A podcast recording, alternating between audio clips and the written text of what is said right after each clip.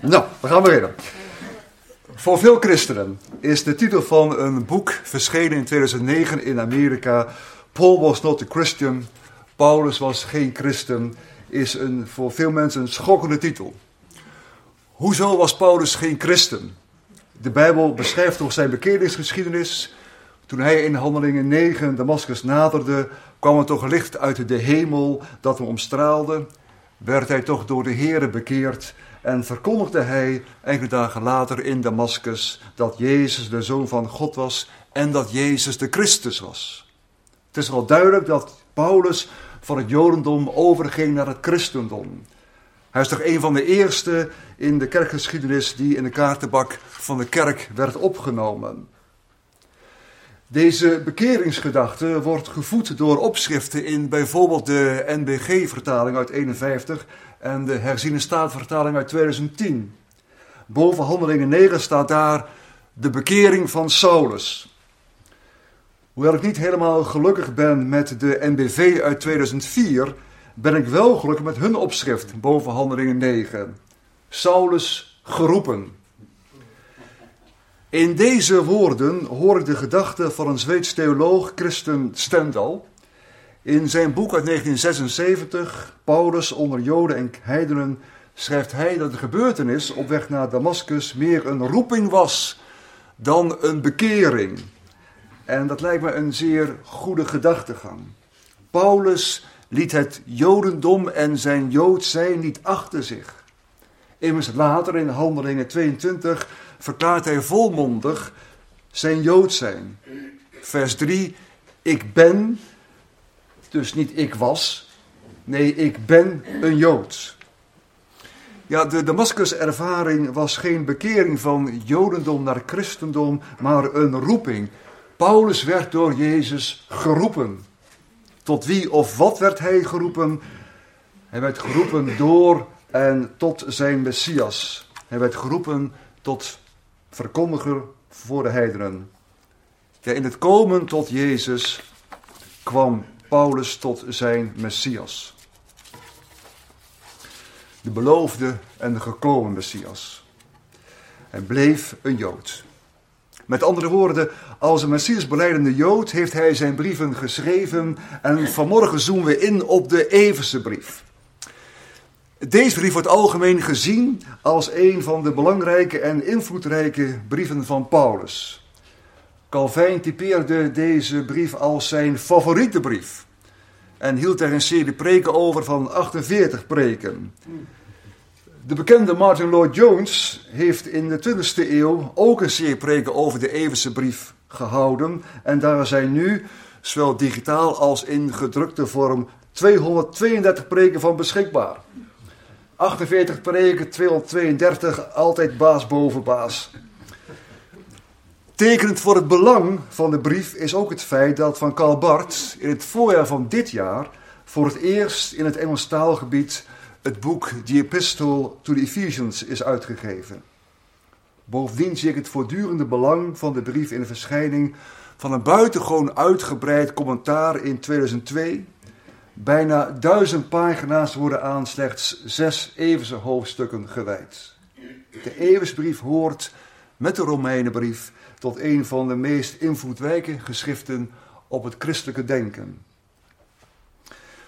In het kader van deze themadag besteden we aandacht aan deze brief, omdat zij, volgens het commentaar van Marcus Barts, als geen ander nieuwtestamentisch geschrift zaken te bedden brengt over de relatie tussen Israël en de kerk. Bovendien komt in de brief ons dagthema, de liefde, nadrukkelijk aan de orde. Zelfs nadrukkelijker dan in de andere brieven van Paulus. Maar daar zult in het tweede gedeelte van dit referaat over hebben. Nu wil ik met u het begin van de brief lezen op een manier waarop u de brief misschien nog nooit hebt gelezen. Zo'n lezing vraagt overigens wel een open houding. U moet oude, vertrouwde wegen van uitleg durven verlaten en willen verlaten. De christelijke apologeet C.S. Lewis onderstreept het belang van zo'n open houding. Als hij het beeld van een reis uitwerkt. Ik het een heel mooi beeld. En als ik het met mijn eigen woorden mag zeggen. maakt een heel verschil of je op reis in zeg maar India alleen bij de eigen groep blijft, in het hotel de maaltijden gebruikt, alleen de toeristische hotspots bezoekt, of dat je, los van het vertrouwde reisgezelschap, zelf op zoek gaat naar ontmoeting met inwoners van dat land, of je open staat voor een ervaring op bijvoorbeeld een overdekte inheemse markt in Bombay, en of je iets onbekends wil eten. Natuurlijk is het verlaten van de vertrouwde groep wel spannend, maar het levert nieuwe inzichten en verrijkende ervaringen op. Nu, om met een open vizier een vertrouwde lezing van de eeuwige brief te verlaten, is ook spannend, maar het zal ons verrijken. Althans, dat heeft het bij mij gedaan. Voordat u nou gaat denken dat ik een origineel theoloog ben, die een eigen fondsen laat zien, moet ik u zeggen, dat heeft Robert al gezegd, dat ik vanmorgen slechts een soort doorgeefluik ben van het gedachtegoed van Mark Kinzer. Een messiasbreidende Joods die in de relatie Joods, niet-Joods, baanbrekend werk heeft verricht. Volgens hem gaat Paulus in deze brief uit van het ene lichaam van Christus, waarin sprake is en blijft van Joods en niet-Joods. Met deze opvatting gaat Kinzer in tegen de gangbare gedachte dat het verschil tussen Joods en niet-Joods binnen de gemeente van Christus, in Christus, is opgeheven. Volgens Kinzer gaat Paulus juist uit van een in Christus levende gemeenschap van Joden en niet-Joden die met God en met elkaar verzoend zijn en wier onderscheiden eigenheid niet uitgewist hoeft te worden. Eén in de Messias, zeker, maar wel als Jood of als niet-Jood. Die identiteit gaat niet verloren. Helaas heeft men in de kerkgeschiedenis, als ik het zo mag zeggen, alles op één grote hoop gegooid. En op die ene hoop de term christenen geplakt. Zeer terecht laat Kinzer hier een bijbels tegengeluid horen. Als we naar de brief gaan, lees in het allereerste vers, en ik lees het in de NBG-vertaling, Paulus, door de wil van God, een apostel van Christus Jezus, aan de heiligen en gelovigen in Christus Jezus die te evense zijn. De gangbare opvatting is dat de heiligen en gelovigen in Christus Jezus één en dezelfde categorie vormen. Beide woorden worden als synoniemen van elkaar gezien. Heiligen zijn dan de gelovigen die uit de wereld door God zijn geroepen om bij Hem te horen. Deze mensen zijn dus apart gezet van de wereld en geplaatst bij God. Vervolgens worden deze mensen nader omschreven als zij die in Christus Jezus geloven, om dan uiteindelijk de begrippen heiligen en gelovigen samen te laten vallen in het ene begrip christenen. En als we dit als startpunt nemen van de brief, staan we een verkeerde weg in. Een weg waarop Israël uit het zicht is verdwenen en de kerk alleen overblijft. Niet voor niets wordt de eeuwige brief ook vaak de kerkbrief genoemd. Volgens mij is het wissend gebruik van heiligen en gelovigen in Christus Jezus geen voorbeeld van afwisselend woordgebruik, waarmee dezelfde zaak met verschillende woorden wordt omschreven. Maar is er hier sprake van twee categorieën in die ene gemeente van Eversen, namelijk gelovigen uit Israël, heiligen en gelovigen uit de heidenen, gelovigen in Christus Jezus. In Deuteronomium 7, vers 6 lezen wij, want gij, en dat is dan Israël, want gij zijt een volk dat de Heere uw God heilig is. U heeft de Heere uw God uit alle volken op de aardbodem uitverkoren om zijn eigen volk te zijn. Met andere woorden, God heeft Israël afgezonderd van de volkeren, apart gezet geheiligd om zo zijn volk te zijn en om zo tot een licht der volken te zijn, omdat mijn heil rijke tot het einde van de aarde. Jesaja 49. Met gelovigen in Christus Jezus wordt er een andere, een tweede categorie geïntroduceerd, namelijk gelovigen uit de heidenen. En Paulus handhaaft in de brief het onderscheid tussen deze twee categorieën. Voorbeeld. In hoofdstuk 2, vers 19 lezen wij: Zo zijt gij dan geen vreemdelingen en bijwoners meer, maar medeburgers der heiligen. Er zijn de heiligen en er zijn de medeburgers der heiligen. Twee aparte categorieën. Hetzelfde lees ik in hoofdstuk 3, vers 18. De tekst noemde Jeroen al. Geworteld en gegrond in de liefde zullen jullie dan samen met alle heiligen. Volgens sommige uitleggers ziet het alle heiligen hier op alle geheiligde gelovigen uit Israël en de volken. Maar zou het ook niet zo kunnen zijn dat met jullie de gelovigen uit de heidenen wordt bedoeld en met alle heiligen, alle heiligen uit Israël? Samen met Israël, zegt het vers dan, leert de kerk de liefde van Christus kennen. Terug naar het begin van de brief. In het gedeelte vanaf vers 3, dus na groet en zegenbeden, handhaaft Paulus die twee verschillende categorieën. Boven dat gedeelte staat in de NBG-vertaling het opschrift Rijkdom van de uitverkorenen. En in menig gereformeerde preek ging men dan, wat plat gezegd, helemaal los over de uitverkiezing. Met de christelijke bril op werden dan deze eerste versen gelezen, uitgelegd en toegepast. En was het klip en klaar dat Paulus het hier over ons christenen had.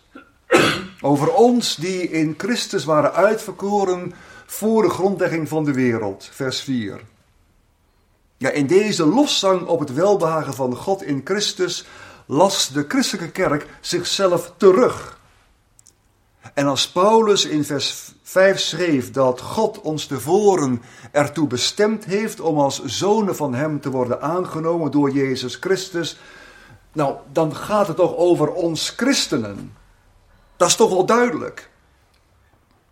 Maar in navolging van Kinzer denk ik dat er een andere lezing mogelijk is en ook bedoeld is.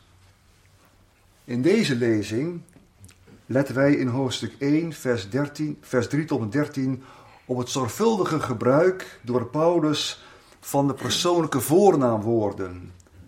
Ons, wij, eerste persoon meervouds en jullie, tweede persoon meervouds. En hoor ik de Joodse Paulus in mijn gedachten spreken over wij Joden en jullie heidenen.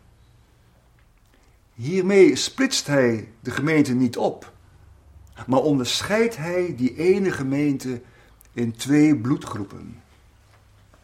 En van de bloedgroep wij, ons, wordt dan geschreven dat zij in hem zijn uitverkoren. Israël is door God uitverkoren. Deze wij wordt in vers 12 nader omschreven met wij die reeds tevoren onze hoop op Christus hadden gebouwd. En als wij hier in plaats van het woord Christus het woord Messias lezen, dan gaat het over wij die reeds tevoren onze hoop op de Messias hadden gebouwd. En dat klinkt toch als een uitspraak van een Jood en niet van een niet-Joods. Ik bedoel, de eerste mensen die op de Messias hoopten, waren toch Joden. Nou, als we hoofdstuk 1, vers 3 tot met 12 lezen en ons dan bedenken dat wij bij wij en ons aan Israël, aan de Joden moeten denken, dan is het duidelijk dat Paulus pas in vers 13 de niet-Joden op het oog heeft. Ook hier geldt blijkbaar eerst de Jood, dan de heiden. In vers 13 lezen wij: In hem zijn ook jullie, nadat jullie het woord der waarheid, het evangelie uw behoudenis hebben gehoord. Niet alleen Israël, niet alleen de Joods, nee ook jullie heidenen. Nou, ik hoop dat het zo enigszins duidelijk is dat Paulus de gemeente van Efeze als één gemeente ziet die uit heiligen en gelovigen in Christus Jezus bestaat. En dat hij hen in die twee verschillende identiteiten aanspreekt. Een andere belangrijke bewijsplaats van Kinzer is het gedeelte van Efeze 2, vers 11 tot en met 22. Om het vanmorgen niet al te ingewikkeld te maken, hoop ik dat u van mij wilt aannemen dat dit gedeelte in de gebruikte structuur van de brief, dat dit gedeelte als het hart van de eerste drie hoofdstukken oplicht. En dat dit gedeelte dus uitermate belangrijk is. Hier wordt wat gezegd. In vers 11 spreekt Paulus die jullie aan en specificeert hij hen met die vroeger heidenen waard naar het vlees. Dat jullie te dien tijde zonder Messias waard, uitgesloten van het burgerrecht Israëls en vreemd aan de verbonden der belofte, zonder hoop en zonder God in de wereld. In vers 17 staat: En bij zijn komst heeft hij vrede verkondigd aan u die ver afwaart. Heideren stonden ver af van de belofte van de Messias. En aan hen die dichtbij waren, aan de Joden, aan wie de Messias was beloofd. Vers 18 gaat dan verder met: Door hem, dus door de Messias, door hem hebben wij beiden, Joods en Heiden, in één geest de toegang tot de Vader. Zo zijn jullie dan geen vreemdelingen en bijwoners meer, maar medeburgers der heiligen en huisgenoten van God. In hem, dus weer in de Messias, was elk bouwwerk goed samengevoegd op tot een tempel heilig in de Here, in wie ook jullie mede gebouwd wordt tot de woning van God in de geest. Het is een hele mond vol. Maar wat hier opvalt is het gebruik van een Grieks voorvoedsel. Dat we tegenkomen in medeburgers, goed samengevoegd en medegebouwd. Met dat Griekse voorvoegsel wordt de gemeente in Efeze geschilderd als een levende realiteit waarin Jood en Heiden samenleven en elkaar tot zegen zijn. Bijvoorbeeld Efeze 3 vers 18 zegt, zo stelde ik voor, geworteld en gegrond in de liefde zullen de gelovigen uit de heidenen samen met alle gelovigen uit Israël in staat zijn te vatten hoe groot de breedte en lengte en hoogte en diepte is en te kennen de liefde van Christus.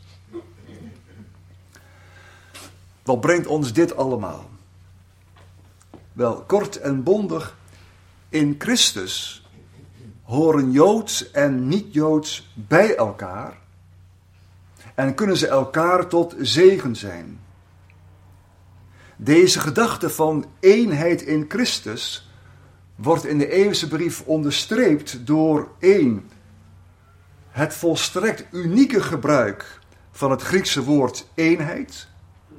Immers in het hele Nieuwe Testament komen wij dat specifieke woord alleen in Efeze 4, vers 3 en vers 13 tegen.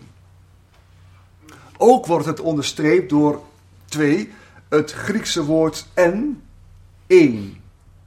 Een woord dat veertien keer wordt gebruikt. Bijvoorbeeld in hoofdstuk 4, één lichaam, één geest, één Heere, één geloof, één doop, één God en Vader. En het wordt onderstreept door het veelvuldige gebruik van woorden als in Christus, in wie en in de Heere. Woorden die duidelijk maken door wie de eenheid gestalte krijgt. En deze woorden komen 38 keer voor. Dus eenheid is belangrijk en wordt gevonden in de gemeente. En dat woord ecclesia wordt negen keer gebruikt. Dus twee haakjes. Kinzer handhaaft dat Griekse woord ecclesia, omdat het woord kerk, zoals de NBV het in de eeuwse brief stelselmatig vertaalt, omdat dat woord de gedachte aan een christelijke kerk oproept, waarbij de Jood volledig uit beeld is. Nu, ik hoop dat het enigszins duidelijk is geworden dat het Paulus en ook Kinzer, dat het hen om eenheid is te doen. Oké, die eenheid bestaat er wel uit twee verschillende identiteiten, maar het is een eenheid in Christus. En deze eenheid is een door God gegeven eenheid. Het is niet een door God gedwongen, afgedwongen, opgelegde eenheid die geen stand houdt. Nee, God schenkt de eenheid door van binnenuit te werken. En wel door de liefde. En dan zijn bij de titel van deze lezing uitgekomen. Zonder de liefde wordt het niets. Liefde is een buitengewoon belangrijk onderwerp in de Eeuwse brief. Kijk maar. Als werkwoord en zelfstandig naamwoord wordt het twintig keer genoemd. Opgeteld in alle brieven van Paulus gebruikt hij het werkwoord liefhebben 38 keer, waarvan dus alleen al 10 keer in de Eeuwse brief. Ook zelfs al een naamwoord liefde gebruikt hij 10 keer. En afgezien van de eerste Korinthebrief, met een bekende hoofdstuk over de liefde, wordt dit zelfstandig naamwoord vaker in de Eeuwse brief gebruikt dan in welke andere brief van Paulus dan ook. Met recht kunnen wij dus zeggen dat liefde een zeer aangelegen punt is in deze brief. En dan niet zomaar liefde, dat voelt wel aan, maar agape. De zichzelf gevende, opofferende en onbaatzuchtige liefde.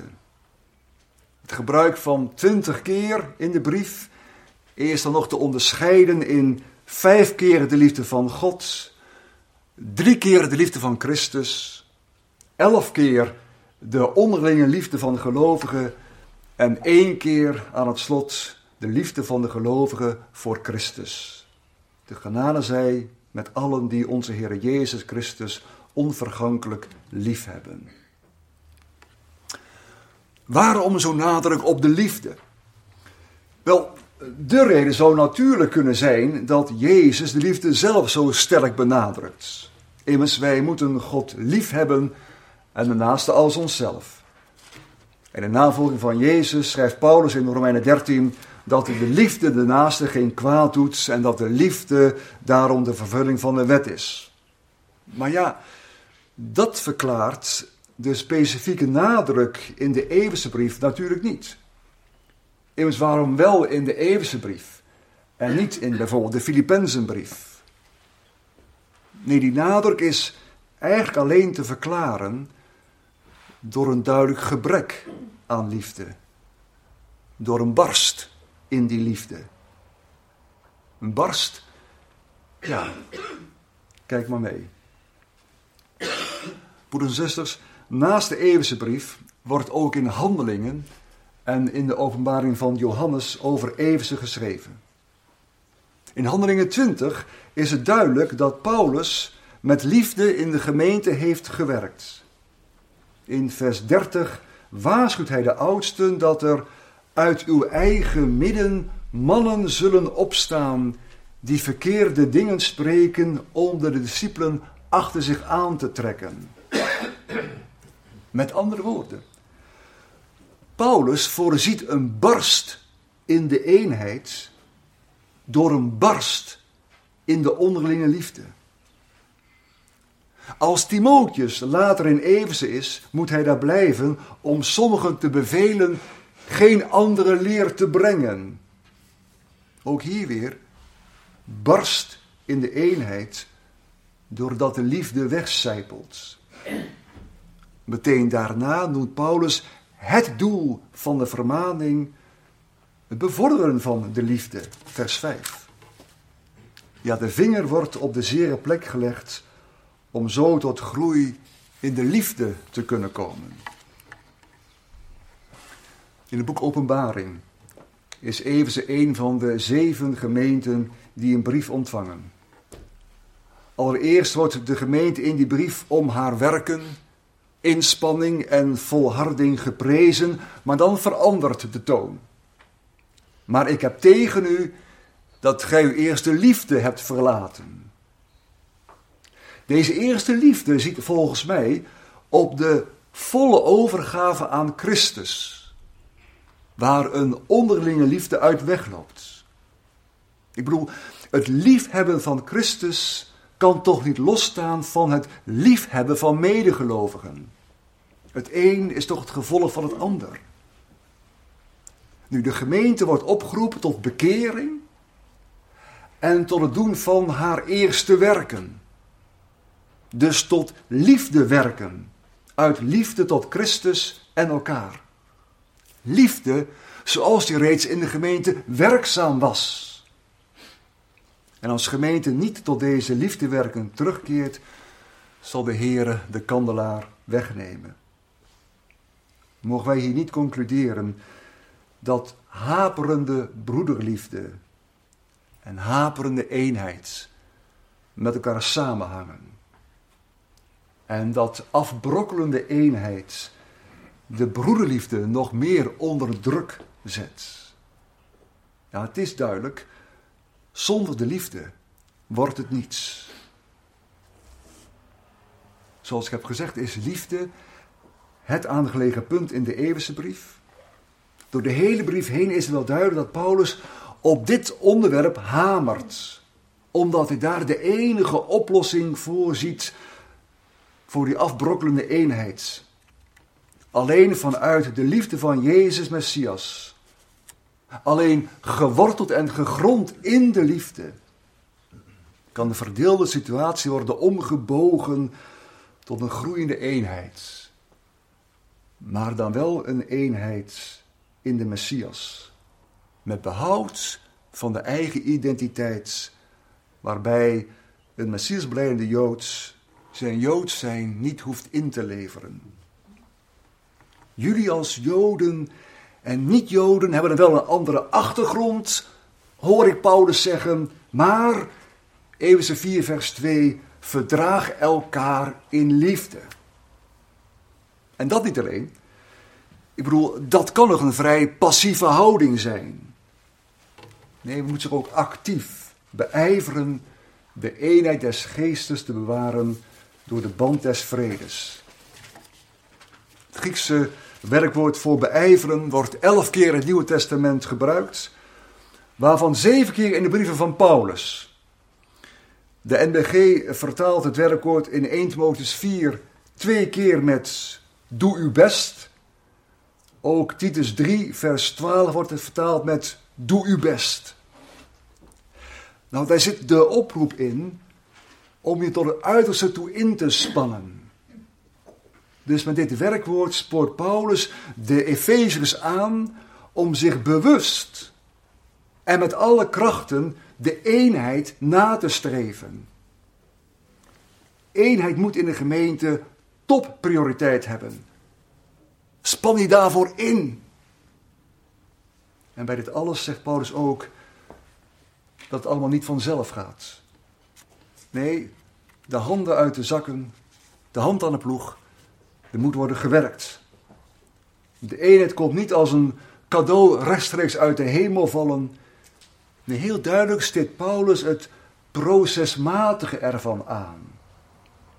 Volgens Efeze 2, vers 21 worden Joden en Heiden samengevoegd en groeit de Ecclesia. Dus het geheel van Joden en heidenen wereldwijd. Ja, als we ons in liefde aan de waarheid houden, groeien wij in alles naar Christus. Efeze 4, vers 15. span je daarvoor in. En ik denk dat deze oproep nog steeds actueel is. Als christenen moeten wij eerlijk onder ogen willen zien dat de kerk haar bestaan te danken heeft aan een Joodse Messias en dat de zendingsarbeid van Joodse apostelen. Toen deze zendingsarbeid erg succesvol was en de Ecclesia al snel in meerderheid uit niet-Joden bestond, was er voor de Joodse identiteit spoedig geen ruimte meer. Spijswetten, Shabbat, besnijdenis, het moest allemaal weg. Het zogenoemde Joodse christendom werd er doeltreffend uitgewerkt. En de eenheid was gebroken. En dat heeft grote consequenties gehad. Dat heeft Jeroen al gezegd. Grote consequenties tot aan de Holocaust toe en daarna. God zij dank. En zo mogen we dat echt zien. God zij dank zien we nu dat er een toenadering is tussen Joden en christenen. Christenen worden zich steeds meer bewust van de Joodse wortels van het Nieuwe Testament, gaan steeds meer beseffen dat hun Jezus een Joodse rabbi is, dat de apostelen Joden zijn geweest en dat de hele Bijbel een Joods boek is. Aan de andere kant is er een groeiend besef onder Joden dat Jezus de beloofde Messias is. Ja, er is een groeiende toenadering, maar deze toenadering loopt niet parallel met het herstel van de breuk. Er is nog steeds veel werk aan de winkel. De eenheid is vanuit de God van Israël nog steeds een topprioriteit. Eenheid als een getuigenis dat Joden en Heiden heel verschillend blijven en elkaar toch lief hebben. Eenheid in de Messias, eenheid in de liefde, eenheid als een getuigenis naar buiten. Zeer waarschijnlijk weet u wel dat de Eeuwse brief met de beschrijving van de geestelijke wapenrusting eindigt. Waarom zou Paulus dat doen? Zou dat niet te maken kunnen hebben met juist die strijd om eenheid? Ik bedoel, wie is er nu meer gebrand op totale afbrokkeling van de eenheid van de Ecclesia dan de tegenstander? Wie is er nu meer gebrand op het verkillen van de onderlinge liefde dan de tegenstander, met wie de gelovige in een voortdurende strijd leeft?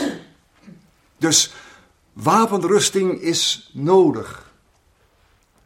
Nu wordt de wapenrusting in Efeze 6 veelal uitgelegd aan de hand van de wapenrusting van een Romeins soldaat. En dat is zeker legitiem, maar het vertoont soms ook opmerkelijke overeenkomsten met de kleding van de hoge priester. Kijk maar. We zullen niet alles bij langs gaan, maar in vers 15 schrijft Paulus: Stelt u dan op uw lendenen omgord met de waarheid. Nu, een gordel zorgde ervoor dat een soldaat geen last had van zijn kleren, zodat hij niet struikelde. Maar ook in Exodus 28 komen wij de gordel tegen. En wel als de gordel van de priester. Wellicht om in de ambtsuitoefening niet door loshangende kleren gehinderd te worden. Met de waarheid zal een gelovige niet struikelen in de strijd. In vers 15 is ook sprake van de voeten geschoeid met de breedvaardigheid van het evangelie des vredes. Als wij dit vers lezen, horen, denken automatisch aan schoenen. Maar dat woord wordt u helemaal niet gebruikt. En omdat de hogepriester in het ambt geen schoenen droeg, is dit volgens sommigen een aanwijzing dat Paulus in Efeze 6 meer aan geestelijke wapens dacht dan aan de wapenrusting van een Romeins soldaat, die juist wel stevige schoenen droeg. De gelovige mag in beweging gekomen het evangelie des vredes verder brengen. Het evangelie is de boodschap van vrede tussen God en mens door Jezus Christus. En het is de boodschap dat in Christus de vijandschap tussen Jood en Heiden is weggenomen. In vers 16 heeft Paulus het over het schild van het geloof, waarmee gij al de brandende pijlen van de boze zult kunnen doven. Wel, het schild van een Romeins soldaat werd met natgemaakt leer bedekt. Vijandige pijlen ketsten zo niet alleen af, maar werden ook meteen, meteen gedoofd. Nu droeg de hogepriester geen schild. Maar Psalm 3 spreekt over God als schild. Maar gij, heren, zijt een schild dat mij dekt. Met andere woorden, ook de gelovigen in Everse mocht zich realiseren dat God hen als een schild zou beschermen tegen de boze. En als laatst noem ik vers 17 en neemt de helm des heils aan. Nu voor een soldaat was de bescherming van het hoofd als het zenuwcentrum van het lichaam uiterst belangrijk. Ook het hoofd van een hoge priester was bedekt. En wel met een soort tulband van wit fijn linnen. En dat als teken van onderwerping aan God en heiliging van het verstand. In Jesaja 59 wordt het hoofddeksel de helm des heils genoemd, de helm Yeshua.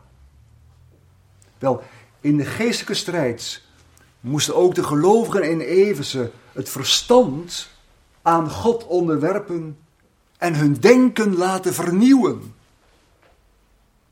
En met het laatste wil ik nou eindigen. We leven in een tijd waarin veel verandert, ook de houding van christenen naar het Joodse volk. Gelukkig is de vervangingsgedachte op zijn retour, maar vrij onopgemerkt is daar een vervullingsgedachte voor in de plaats gekomen. Dat hoort vriendelijker, maar is in wezen hetzelfde. Ja, een bewustmaking van Gods plan met zijn uitverkoren volk Israël stuit nog steeds op restanten van de vervangingsleer. Met andere woorden, er is nog steeds veel werk aan de winkel om onze topprioriteit invulling te geven. Het idee dat Jood en niet-Jood in de Messias bij elkaar horen en elkaar tot zegen kunnen zijn, dat idee moet echt nog bij veel mensen landen, bij veel mensen handen en voeten krijgen. Het lijkt me goed om te bidden om de vernieuwing van ons denken en om de vrucht van de geest. Bidden om de liefde van Jezus Messias. De liefde die ons in de Messias met God heeft verzoend en die ons als niet-Joden met Joden kan verzoenen. Dat was hem. Hoe lang is het ongeveer geweest?